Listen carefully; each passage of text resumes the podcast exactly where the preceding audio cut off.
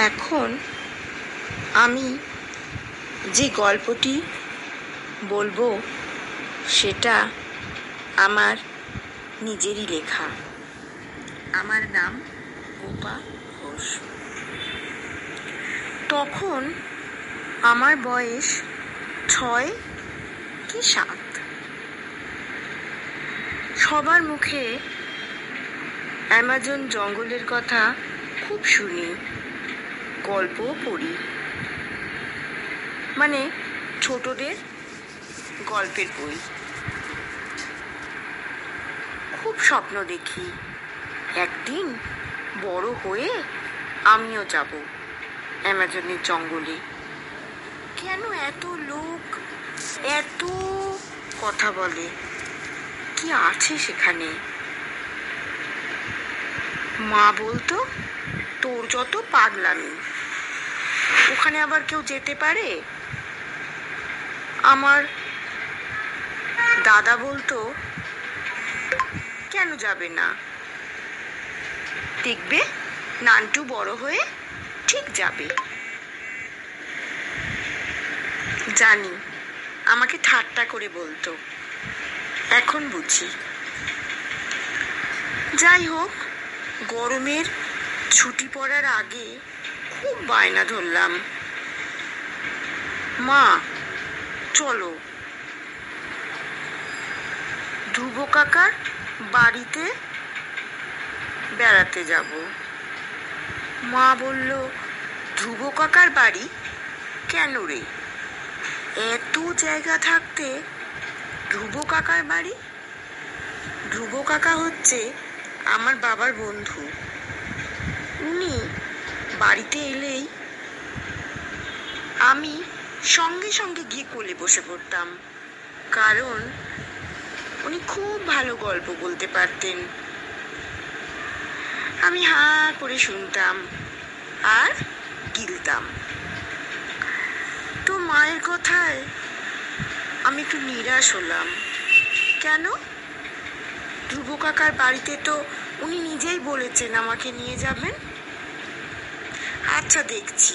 মা পাশ কাটিয়ে ঘরে ঢুকে গেল। সেই ধ্রুব কাকার বাড়িতে আমরা গেলাম। আমি, আমার দাদা আর আমার বাবা। মা সেবার কি জন্যে যেন বাইরে যাবেন না বললেন। ঠিক আছে, আমাকে তো ওই জিনিসটা দেখতেই হবে। দাদা জিজ্ঞেস করল, তুই কি দেখতে যাচ্ছিস নান্টু? আমি বললাম, কি আবার? অ্যামাজনের জঙ্গল? আমার দাদার সে কি হাসি। বাবা আমাদের কথায় খুব একটা কর্ণপাত করতেন না। যাই হোক এইসব কথা বলতে বলতেই আমরা পৌঁছে গেলাম।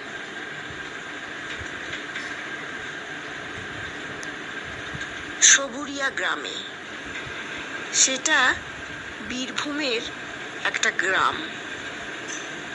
চারিদিকে শুধু জঙ্গল। অনেক গল্প শুনেছি আমি ধ্রুব কাকার মুখে। সত্যি? আমি তো তাজ্জব। একটা বাড়ির পাশে শুধু জঙ্গল, আর কোনো বাড়ি নেই। আমি তো কল্পনাই করতে পারি না। শহরে থাকা মানুষ। যাই হোক, ধ্রুব কাকার কথা সত্যি মনে হলো আমার। আরে, এটাই তো অ্যামাজনের জঙ্গল। আমার দাদা কিচ্ছু জানে না। ও সে মনে করে কোথায় যেন অ্যামাজনের জঙ্গল। এ তো আমাদের দেশেই আছে। যাক, ওর সাথে আর কোনো কথা বললাম না। আমি ধ্রুব কাকার হাত ধরে ওনার বাড়িতে গেলাম। ওনার মা, আমার ঠাকুমা, এত যত্ন করল আমাদের। আমার তো আসতেই ইচ্ছা করছিল না।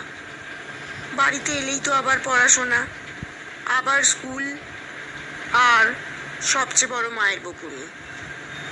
কিন্তু কিছু করার নেই। এক সপ্তাহ থেকে অ্যামাজনের জঙ্গলটা পুরো ঘুরে দেখলাম। সত্যি, ভেতরে ঢুকে গেলে না সূর্যটাই দেখা যাচ্ছিল না।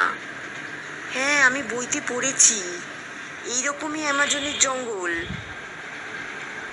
আমার দাদা আমাকে কিছুতেই বিশ্বাস করে না। শুধু হা করে হাসে আর বলে, ধ্রুব কাকা তোকে খুব বোকা বানিয়েছে। বোকা, অ্যামাজনের জঙ্গল কি এখানে?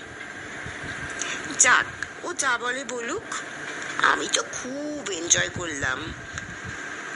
মানে শুধু সকাল ছটা থেকে আর বিকেল চারটে পর্যন্ত আমি তো ওখানেই ঘুরতাম। ওই জঙ্গলের আশেপাশে কিন্তু ভেতরে ঢোকা ধ্রুব কাকার খুব বারণ ছিল। বলেছিল, এখানে নাকি বাঘ ভাল্লুকও আছে। হ্যাঁ আছে তো। অ্যামাজনের জঙ্গলে বাঘ, ভাল্লুক, সাপ সব আছে। সেটা আমি জানি।